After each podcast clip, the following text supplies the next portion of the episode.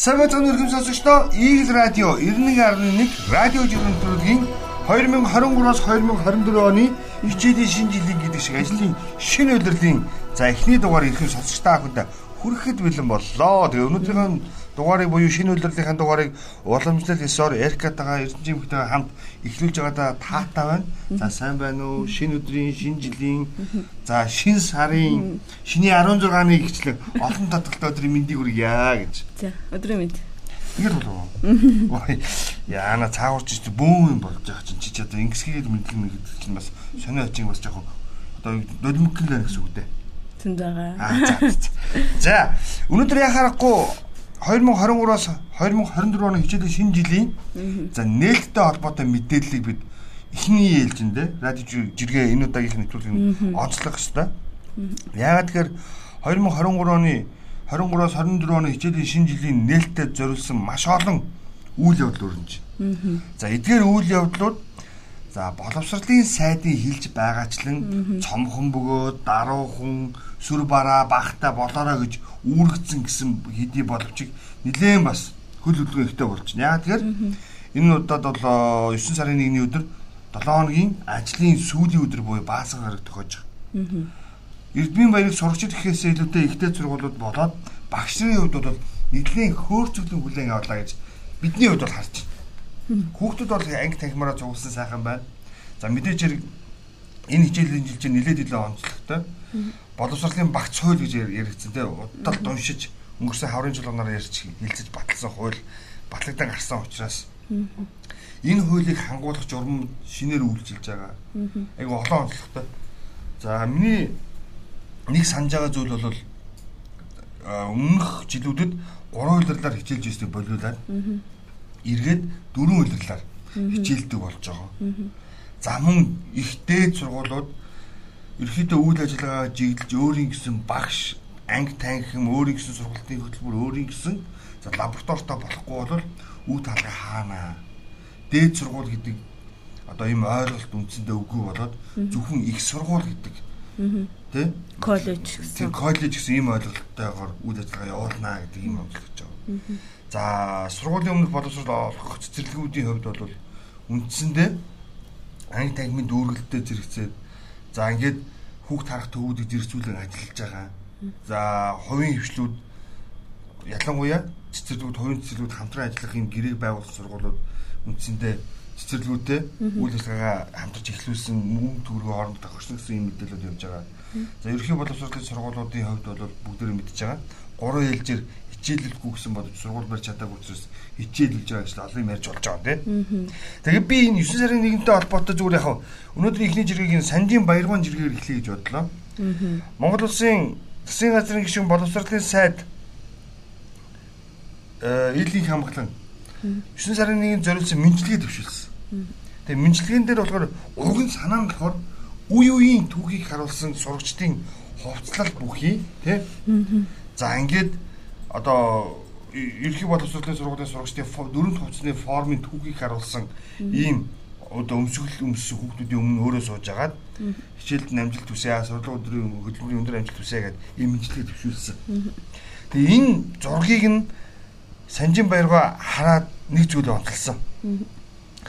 Сургалтын агуулга хэлбэрийг шин цагт нийцүүлэн өөрчлөх дэвшилт зүйл боловсролын тогтолцоонд нэвтрүүлэх гэж зүтгэж байгаа энэ хамгаалалтын сайдын ажлыг би хувьдаа дэмждэг юм аа.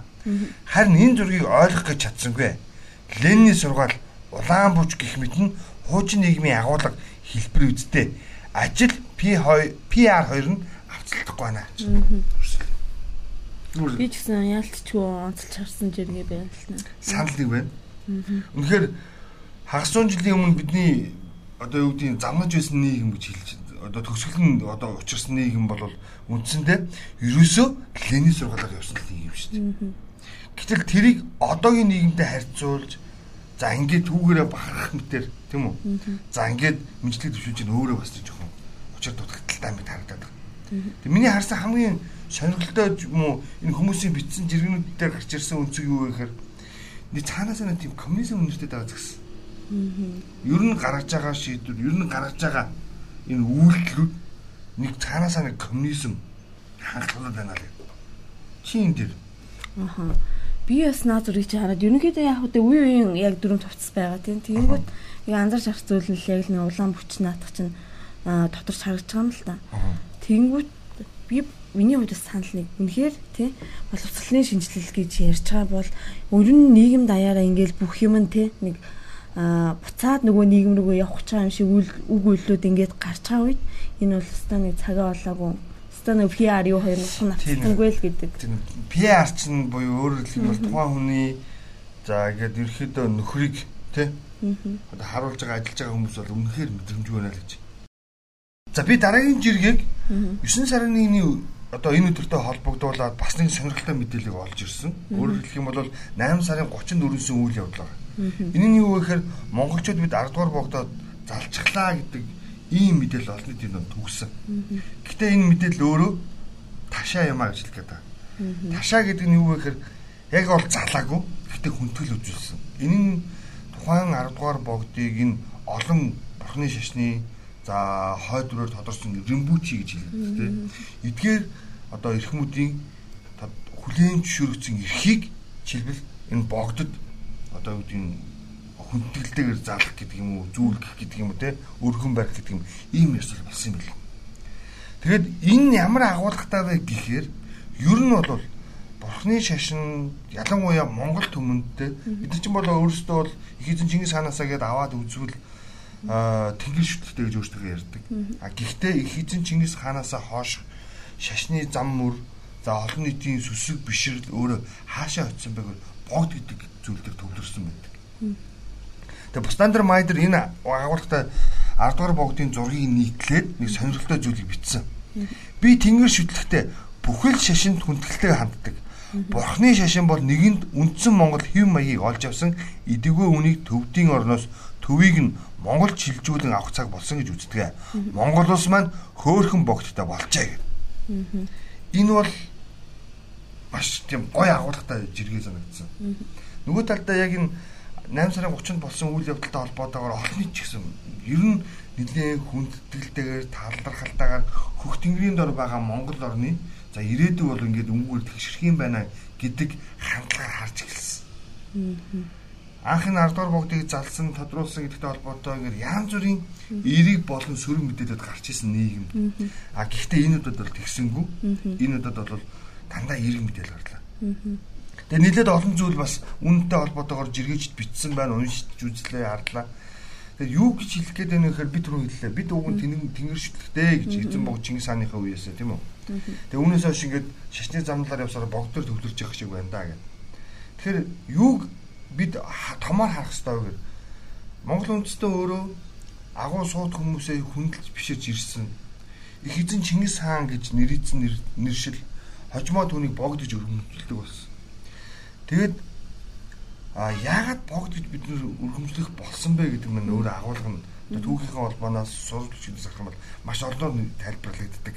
Эндээс бид нэгтгэн үнцгийг хэлэх гээд байна. Дээрээс бидний хараа зохицуулж байгаа гэдэг агуулга нэг талтай байгаа даа. Сүнсээр дамжуулж тийм үү? Босод ингээд өөрийнхөө үйл хэргийг үргэлжлүүлэн хүргэх зөв амьдрах, зөв байх гэдэг юм хэлж байгаа гэдэг агуулга нэг талтай явж байгаа. Нөгөө талдаа монголчууд бид алтан уургийнхан гэж яриад тийм. За их эзэн Чингис хааны хаан үйл хэргийг үргэлжлүүлэх тийм энэ үйлсийг үндсэндээ богдоор дамжуулах хэрэгтэй байна гэдгийг хэлбэрийг сонгосон ард түмэн юм бэл. Ингээд харийн гэж хэлэгдэж байсан тэр төвдийн гих тодголтой боддын шашин гэж яриад байгаа тийм. Энэ шашинаар өөрсдийнхөө одоо энэ үйл хэргийг дамжуулж монголчлж оруулж ирээд энэ өөрийн урсгалыг бий болгоод тэгээд үндсэндээ одоо өргөжлүүлээд явж байгаа ард түмэн байна. Тэгээд богдын одоо энэ ёслол за нөгөө талдаа энэ богдыг хүндлэх хүндэлж чинь маш олон талын за нөхцөл байдлыг геополитик талаас үүсгэсэн байдаг юм байна. Жишээлбэл өнөөдөр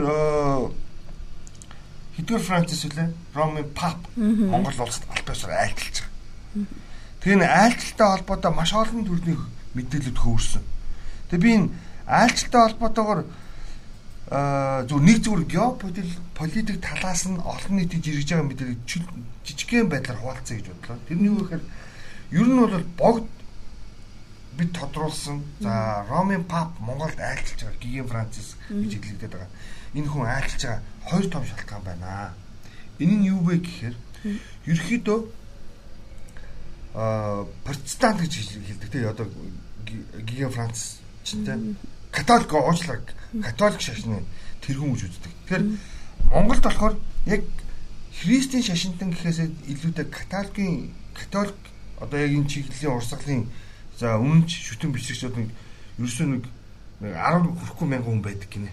Хамгийн сонирхолтой. Үгүй. Яг тоон гарсан нь бол 1500 гэж. Харин ер нь бол харин 10 хүрэхгүй мянган хүн байдаг. Түүнээс үнэж яг сүмд ажилдаг гэдэг. Одоо өөрөөр хэлэх юм бол нөгөө нэг яг сүмийн үндсэн одоо санваартан ажилтан гэж хилэгдэг ийм хүмүүс нь болохоор үндсэндээ 1400-аар хэмжигддэг. Тэгээ энэ нөхцөл байдлыг том зургаар нэгээд юмыг харвал харуул шүү. Харуул. Монголд тэр хүн ирэх ач холбогдол нь за хойд төрш буюу Оросын холбооны улс өмнөд хөрш буюу бүгд хятад улстай харилцах тухайн одоо юу гэдэг юу гэдэг гиген Францис гэж хэлээд байгаа хүний ашиг сонирхол бас байна. Тэгээ тэр хүн бол өөрийгөө дэлхийн нийтэд инх тайныг сахиулагч гэж хэлүүлэх дуртай гэж мэдээлэл гаргадаг. А хоёр тэгэхээр хятад улс мэдээж хэрэг христийн шашинтай ард түмэн олон байдаг. Одоо хүмүүс одоо 10 цаг гэж би уншсан санагдах. Хятадх. А гэхдээ хятадын христийн буюу ялангуяа католик шашны тэргүүнийг нь одоо юу гэдэг Ромын папаас зөвшөөрөл авалгүйгээр шууд хятад өөрсдөө томилждаг юм. Биз? А тэгэхээр Монгол бас нэг тиймэрхүү хандлагатай байна, тийм үү? Өөрсдөө ингээ богдыгоо тодруулаад явцдаг. Мөн үү? Тэгэхээр ерөнхийдөө ингээ нэг асуулт нэлийн ярьд юм бэл. Би нэг за нилээ уншиж уншсан тэгээд яг ихлэ чи яриад тэгээ гүйцтэй яриа заа. За. За. Роми папын ажил болоо сая Артур богдтой холбоотой асуудал ярьж ирсэн. Тэгмээд надад гой байгаа санагдчихж байгаа юм үнцг нь юу гэхээр нэгдүгээрт Артур богдын одоо нөгөө ирэх хүртэлсэн тий тэр эслийг бол монголчууд нийтээрээ маш сайхан тийм хүлээж авлаа. Тэгэд тэндээс юу байна вэ гэхээр гадныхан папи айлчлалыг юу гэж харж байна гэхээр Монгол улсын асар том сурчлагаа болно гэж байгаа. Тэгэхээр бид нэр дэлхийд яаж сурчлагаа болох вэ гэхээр ингэж харагдах юм билээ. Шашны одоо асар олон бүх урсгалууд байна шүү дээ. Тэрийг бүгдийг нь хүлээн зөвшөөрдөг ийм дэлхийд улс орнууд маш ховор байд юм байна. Тэгээд тэрний нэг нь Монгол гэдгийг папи айлчлалаар дамжуулаад харагдана гэдэг гэж байгаа. Тэрийгэж бид нэр яг ер нь бол яг энэ айлчлалын өмнө богдыг засны өмнө хэлсэн шүү дээ тэнгэр шүтлэгтэй гэжсэн. За бүр христээр шашинтай хүмүүс нь хүртэл те өнөөдөр ингээ богдын үйл явдлыг бүгд талархаж хүлээж авч байгаа байхгүй. Магадгүй энэ хоёр өнцг нь нийлээд баг дэлхийд гарахгүй юм иж болж юм л гэж би харж байгаа. Энэ бол за хамаагүй ярьж болох юм уу? Би сайн мэдэхгүй. Гэхдээ ер нь бол аль аль талаасаа Монгол улсад ашигтай үйлдэл гэж ойлгогдож байгаа. За нэг талдаа Орос улбаноос нөгөө талдаа өмнөд хөрш хоёр хоёлаа дэлхийн улс орнуудтай за зэвсэг хүчний болоод эдийн засгийн хувьд хоёлаа дайнтай гэж байгаа.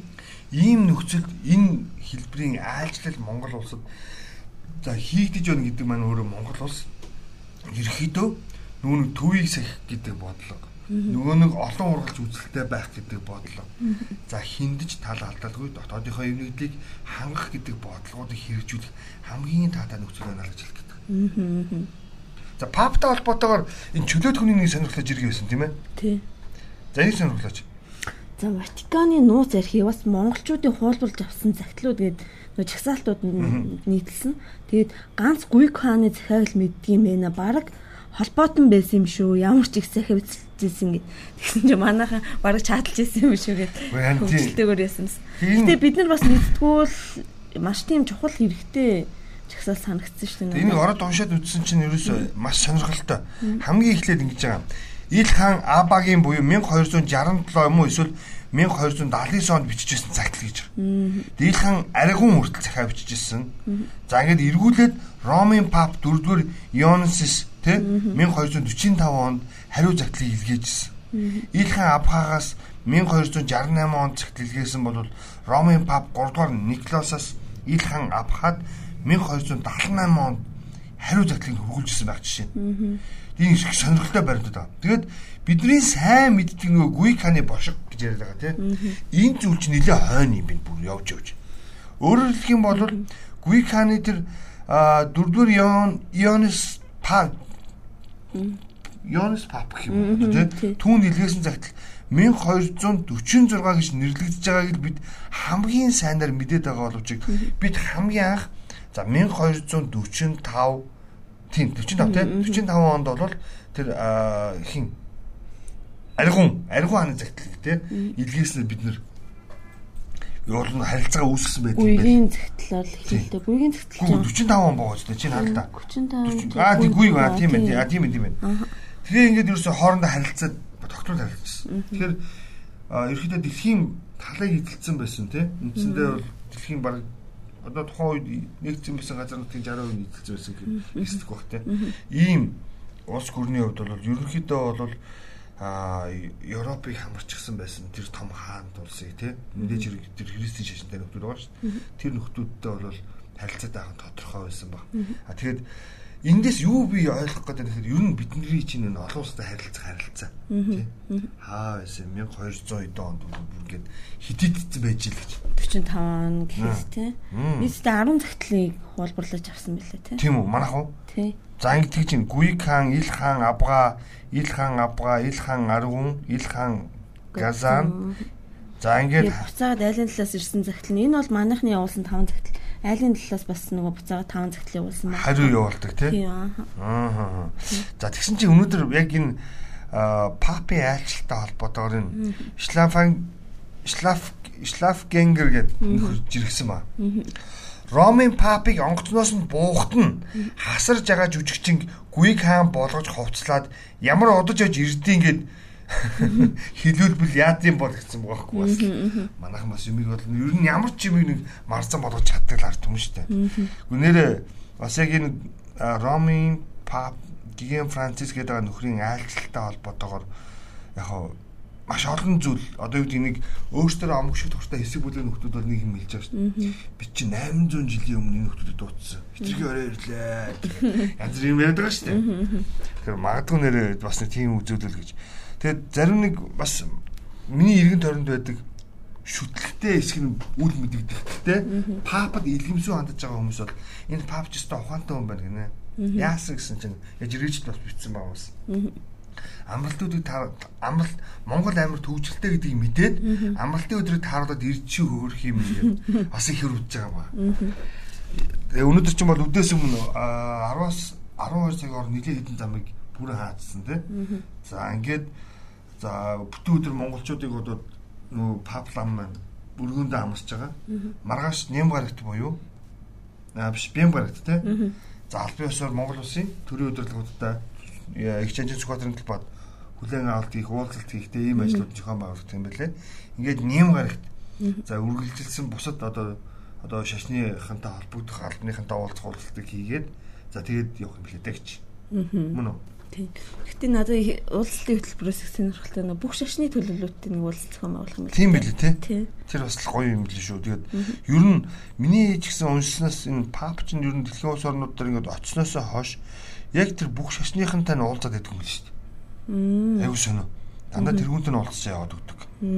Тэг ихэнх нь одоо юу гэдэг христийн шашинтай орон байлаа байлаа гэхэд улс олгонд өөр шашны урсгалын төлөөлөлд байдаг. А гэтэл Монголд ажиллахтаа болохоор албан ёсоо бүх шашнуудыг Монголд үйл ажиллагаа явуулдаг. Бүх урсгалын шашнуудын уулзах гэж байна. Харин тийм сонирхолтой санагдаад. Тэгээд дээрээс нь бас нэг сонирхолтой мэдээлэл яхад Ромын пап айлчснаар за тухайн улс орны эдийн засаг хэдэн мянган долларын гэвэ. За тэр юу За би бол тэр тоог санахгүй байна. Гэхдээ надад санаж байгаа хамгийн том тоо юу вэ? Энэ хүнийг дагаад энэ хүнийг дагаад дэлхийн 140 орчим орны хэвлэлийн байгууллага ирж байгаа гэсэн. Харин тий асемиг суралцсанаас их хэвлэл мэдээллийн баг гэсэн шүү. Эмчтэй үгүй. За энд нэг сонирхолтой жиргээ байгаа. За бид нар сая 2 өдрийн туршид ярьсан нэг одоо өчигдөр өнөөдөр хоёр ярьж байгаа сэдв. Нөгөө алдартай аква гарден буюу авилга хорлолын асуудал. За ялцчгүй тий. Самдар цогт хоёр жиргсэн. Өөрөө хошин зургаач тавьсан. За нэг нөхөр 0 цуугаад одоо өтгөнөө гаргаж байгаа тий. Төсөө мөнгнөө одоо үндсэндээ ариун цэврийн хэрэгэл болгож ашиглаж байгаа буюу намайг хин хилж нохоог хин саах уу гэдэг тайлбарт. Авилга хотгонд байр захиалсан иргэдийн хохирлыг төсөө шийднэ гинэ. Хөлс хүчээ шахаж байж үнэн чудраар улсдаа төлсөн татврын мөнгийг улс төрчдийн хариуцлага үйлдэл авилгын хор хохирлыг нөхөд дураараа зарцуулдаг жишийг тогтох нэ. Баасан хүн өөрөө баасаа цэвэрлэх ёстой. Олон нийтийн зүгээс ч энийг маш идэвхтэй илэрхийлж байгаа тийм. Гэхдээ хуульч нар, өмгөөлөгч нар ер нь бол энэ дээр үзэл бодлоо илэрхийлээд эхэлсэн байл. Ер нь бол хуулийн дагуу нөгөө нэг хохирлыг хүчрүүлсэн нөгөө төрийн албан хаагч нар болон тэд нар л хохирлыг багдуулах хэрэгтэй мэлээ шүү дээ. Тэгээ дээрэс нь тэр зөвшөөрлийг олгосон тийм яаж ингэж хүчингүү болоход нь дахин сэргээсэн ч гэдэг юм уу тий.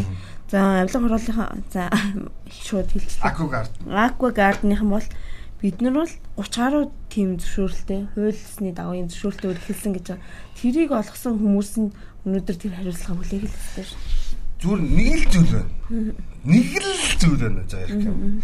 Яаж ч бодсон тэр зөвшөөрлөлүүд нь өөрөө хууль бас гэдэг нь ойлгомжтой шүү. Тийм шүү дээ. Тэр чинь мэрэгжлийн байгууллагууд одоо гол усны сав газартай тийм.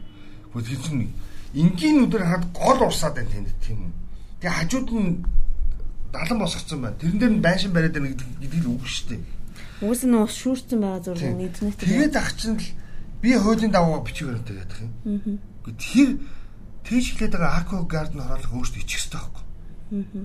Тийм юмыг хараад зөвшөөрөл өгч байгаа хүмүүст л хариулах хэрэгтэй. Нэг хоёр төсвийн мөнгөөр эдний буюу захиалагчдын хохирлыг багдуулж болохгүй. Тэр компани өөрөө хариулах үүрэх хэрэгтэй. Иштэл баг мэджиж захиалга авч байгаа. Тэгээ одоо тэр мөнгөө төсөөс гаргуулах гэж юу гэсэн үг. А харин нэг ийм арга байдаг юм байна. Усны хэрэглэх газраас нэг сонирхолтой оройлог гаргасан бэл. Тэгээд Улаанбаатар цахилгаан түгээсүүлжээ компани ус угийн удирдах газар за тэрэн цагдаагийн газар гихчлэн энэ газрууд руу алтан бичиг хөрвүүлж байгаа юм байна. Яг тэр нэг ус авшаа усны хэрэглэх газар чинь өөрөө юу яах хэрэггүй одоо ямар нэгэн үйл ажиллагааг таслан зохицоох ч юм уу те? Одоо тийм шууд мэрэгжлийн байцаагчийн үүрэггүй гэдэг юм. Байна. Дүнлэх гаргад юм. Байна. Тэгээ усны газраас одоо нөгөө дарга нь Батөрийн нөхөр байгаа шүү дээ. Тэр нөхөр юу хийсэн бэ гэхээр усны газар бол мэрэгжлийн байгууллагын хувьд үер усны буюу гол усны тийм онцгой хамгаалтын бүсэдтэй гэдгийг тодорхойлоод энэ дотор үйл ажиллагаа явуулж байгаа хин нэгэн байвал тийм үү? Зогсоолгох дүнлтийг нь хөргүүлдэг юм. Байна. Одоо эн чинь одоо үер болно энэ байшин унурнаа. Тэгээд урьдчилан сэргийлээч гэдэг үйлдэл хөргөлт юм. Тэрнийхэн дагуу мэржлийн байгууллагад ажилладаг юм. Тэгээд тэр байгууллага гэж усны газраас ямар ус сонирхлоод үйл гаргасан гэж. Ус угийн удирдах газар Улаанбаатар цахилгаан үгээс сүлжээ тэрэн цэгдийн алба гэдгийн гурван газар.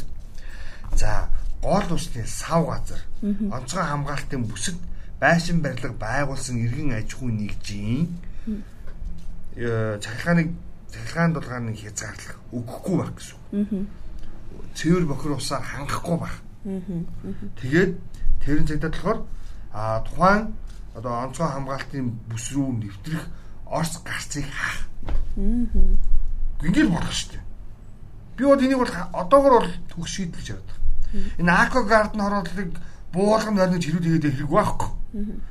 За за Одоо чи Aqua Garden хорооллын захиалагчсан. Би Aqua Garden хорооллыг одоо юу юм барилга барьж байгаа иргэн. Хоёул гэрээ байгуулад би чамсаа хөлтөн дээр чинь цэцэг ургуулж агаад байшаага барьж байгаа тийм үү? Чи ингээ захиалга чинь авч мөнгөний авцсан. Түнгүүд тэнцээ байгаа ус сууг Улаанбаатар цахилгаан түгээх сүлжээ тэрэн цэгдээ ураг болохоор яах вэ гэхээр Aqua Garden хороол руу машин нэвтрэхгүй байх хаалтуудыг тавина. Тэрэн цэгдээ. Түүнийг эрчим хүчинд холбохгүй байх. Дулаан цахилгаанаар хангахгүй байх юм л ажил хийж байна. Тэгэхэд яах юм? Чи надаас нэхэр үстэй хөөе би усаа авъя. Хөөе би тогоо авъя. Хөөе би машинаар орж гарыг л тийш тий. Хэдүүлээ тавгүй нэг хоноход яаж ингэж болоо тий. Ийм юмыг л ингэж шийдэх юмыг л одоо яг үнийг хэлээд одоо юугаар шийдэх юм? Гэтэ нөгөө иргэд бас бид нар одоо энэ жишээн дээр Aqua Garden-х дээр бас иргэд бас хэрсүү болсон юм уу гэж харж байгаа. Тэрэн дээр би энэ базрын жиргэг хичээлийн шинжилгээ нээлттэй холбогдуулж орж ирсэн. За өнөө боловсролын тухай хууль батлагдсан тийм. Ер нь бол энэ хичээлийн жилийн онцлогийг бол сайд юу н газрын дарга нар юу гэж тайлбарлаж байгаа вэ гэхээр хуулиа мөрдсөн одоо хуулийн дагуу зохицуулалт хийсэн тийм хичээлийн шинжилгээ онцлог байна гэж. Хуулийг хэрэгжүүлэх биелүүлэх журам үйлчилсэн жил байна. Харин тийм ер нь бол тэгж тодтогч байгаа боловсролын яамны зүгээс хүчтэр мэдээлэл ихтэй тэргээс нэлээд онцлсан. За тэр хуулийг бас нэг хил ам дагсан тийм модон шоголт дагаад тийм бүү. Тэгсэн чинь базар тэр асуудлыг одоо ер нь яг энд хідэн өрөө зараад байгаа юм би нөгөө нэг төсвийн мөнгөө бид нар бидний л мөнгөштэй гэдэг хандлагаар хандаж бичиг үргүүлж байгаа юм лээ. Энэ бас би зүгээр эрэг хайтайхан хандлага л нэг харж байгаа. Боловсрол сар шинжлэх ухааны яам руу ийм хүсэлт гаргахаар бэлтлээ. Маргааш өгöd хуулийн их хүлээ авах гэдэг утгагүй зүйлд төсвийн мөнгнөөс хідэн төгрөг зарцуулаад байгааг харнаа. Бид нийтийн албан тушаалтнуудаас үргэлж мэдээлэл баримт авч хянаж байх учиртай илээ гэв. Тэгээд энэ базар би үндсэн хуульд заасан мэдээлэл хайх, хүлээ авах төрийн байгууллага төрийн албан тушаалтанд өргөдөл гаргах эрхийнхээ дагуу дараах бичиг баримт мэдээллүүдийг авахыг хүсэж энэ хүслийг гаргаж ийн гэдэг одоо хүлээ авах ёслолын арга хэмжээ хөтөлбөр түүний баталсан шийдвэрийн хуулбарыг өмнө дээрх арга хэмжээнд зарцуулсан зардал төсөв. Түүний задрагааны талаарх мэдээлэл гаргаж өгнө гэсэн тийм нэг юм нэг юм ажил хийлээ тийм хуулийн их хүлээ авах гэдэг байж харин тийм за яг нэг тэр нөгөө нэг ерөнхийдөө гэтээ өмнөх өмнөх хуулиуд дээр боловсролын тухай хуулийн дээр л ийм асуудал гарснаас шүрэн багц хуулийн дээр өмнө ингэж хэлсэн юм уу? Ер нь байхгүй шүү. За бид ер нь бол энэ агуулгыг дараагийн нэг жиргээр би зүгээр арай өөр хэлбэрээр тайлбарлаад байгаа. Цэцэгний жиргээ заяа. Нэг э, автобусны зураг оруулж ирсэн. Өөрөөр хэлэх юм бол Бүлээн Тусланс улсаас хэд хэдэн цахилгаан автобус тий. Хятад улсаас ч гэсэн бас хэд хэдэн автобус оруулж ирж байгаа юм мэдээлэлд байгаа. Ерөнхийдөө бол Улаанбаатар хотын нийтийн тээврийн үйлчлэгэнд явдаг нийтийн тээврийн том аврын автобуснуудын парк шинжилэл гэдэг зүйлийг 12 сар ихэд дуусгах гэж. Тэгсэн чинь цэцэг нэг юм зураг оруулаад тэгээд жиргсэн. Шинэ автобусны хөгжлийн бэрхшээлтэй хүмүүс зориулсан тавцсан гинэ. Ийм налуугаар тэрэгцтэй хүн бууд сууж чадах уу? Нэг нь шаардсан болж нөгөө нь шаардлага гаргасан болж жүжиг хэрэг юм байд юм болов. Тэгээ яг энэ зургийг ингээд томруулаад харлаа. За бас арай л байгааз. Энэ тэрэгцэн тэрэгцэртэй хүн битгийл тий энгийн хөлөөр явж байгаа би явахад л хэцүү байна. Аа. Чүмгөө ёстой ашигчмаар байгааз. Өстө нэг жүжиг. Тэгээ саяхан би нэг нэг нь шаардсан, нэг нь шаардуулсан болохоор нэг ийм л юм болт юм байна. Нэг хөгжилтэй бичлэг үзлээ. Нөгөө нэг вахт багзаал богооны. Багзаалаар нөгөө нэг түрж явах зорилттой нөгөө наалуу зам байгаа шүү дээ. Тэрнгээр нэг гарчны чимдавдаг ингээд гардаг тий. Тэрнгээр гарах гэж манайхаас хөгөө ичирж байна. Тэрнгээр зүгээр видео хийвэл үнэхээр одоо ерөөсөө яг тийм хөгжлийн бэрхшээлтэй иргэдэд зориулсан ч гэдэг юм уу тийм эсвэл тийм налуу гарцсан шийдсэн газар яам таван газар үүдээс авах дүүрэн баг. Хөдөлмөр нийгмийн хамгааллын яам, сангийн яамны үүдний налуунуудыг очиод үзээрэй заяа. Гантик бэлтаан дээр ирэл алах дээ. Бас л чигсаан шиг хүмүүс шүү дээ гурхан. Харин амиа орлох тавцан нэрлэж. Цаг нэлээ явцаа ганцхан жиргээ явчихдаг хөө. За. Самдан нэмийн мөчлөмж иргэсэн. За. Аа өчтөр 8 сарын 31-ний өдөр шиний 15 гэх байсан. Гэхдээ энэ шиний 15 их онцлог байсан. Тодруулж хэлэх юм бол шиний 14-нд бүтэн сар гарсан. Тэр 8 сарын 30-ны өдөр гэсэн үг. За шиний 15-нд мөн бүтэн сар буюу өөрөлд цэнгэр сар гарсан юм. Тэгэхээр энийг шинжлэх ухааны хэлээр тайлбарласан маш олон постууд явуулсныг самдны мөнгөчлөмж ирэхтэй цэнгэр сарны зураг дарлаа. Наагур нь багавтар үйл халахлаад сайн татаж авч чадсангүй нэг сард хоёр удаа бүтэн сар гарах үед хоёр дахийг нь цэнхэр сар гэж нэрлэдэг юм аа. Энэ сарын эхний тэргэл сарын энэ сарын эхний тэргэл сар нэгэнд гарсан харин хоёр дахь буюу цэнхэр сар өнөө шин гарч байгаа. Бүтэн сарны гарах хугацаа 200 20 сарны 5 20 сарны 5 хоног байдаг учраас мөчлөгийн улмаас жилд 13 дахь бүтэн сар гарах үзэгдэл бөгөөд цэнгэр саранд хүслээ шивнвэл биелдэг биелсэн гэж дотроо төсөөлөх хэрэгтэй гэж байна. Хүсэлтээр биелгүүлэх байна. Урчин анзаарсан хүмүүс бол анзаараарай. Би бол анзаарсан шүү. За энэ цэнгэр сарны тухай манай нийгмийн сайтад бас сонирхолтой нийтлэл зургууд гарсан байна. За нөгөө хөвлөхийн дагаад ирсэн тий. Тэгээ Associated Press-ийн нөгөө суурьлагч нөгөө Монголын зургийг дарсан байлээ. Тэгээд энэ цэнхэр сар чинь өчтөртэй инэ. За өчтөрийнх ингээд сард хоёрд гард энэ хоёр дахын цэнхэр сарч гэдэггүй юм байна. Энд чинь асар олон жилд нэг тохиолдсон юм байна. За тэр нь өчтөр тохиолдсон. Тэгээд дараагийн цэнхэр сар хизээ гарах вэ гэхээр 2037 онд бүр гарах юм байна. За хүлээнэ би. Чаднаа. Тэр сард соёл өссөн шигний за. За за. Өнөөдөр дугаар энэ төрөйд өндөрлөө. Тэгэхээр өнөөдөр бас шинэ ажлын жилийн, шинэ хичээлийн жилийн анхны эхний дугаараас учраас жоохон нэг тийм төлөв төвшин та бүхэндээ мэдээлүүдийг хүргэлээ. Тэгээ дараа дараагийнхаа дугаараараа эргээд за өмнөх дугааруудтайгаа адилхан та бүхэндээ хэрэгтэй, шаардлагатай байгаа шүүмжтэй, магтаалтай олон мэдээллийг бас хүргэж явах болоо. Дараагийн дугаараар ирэх уулзсан баяр та. Баяр та.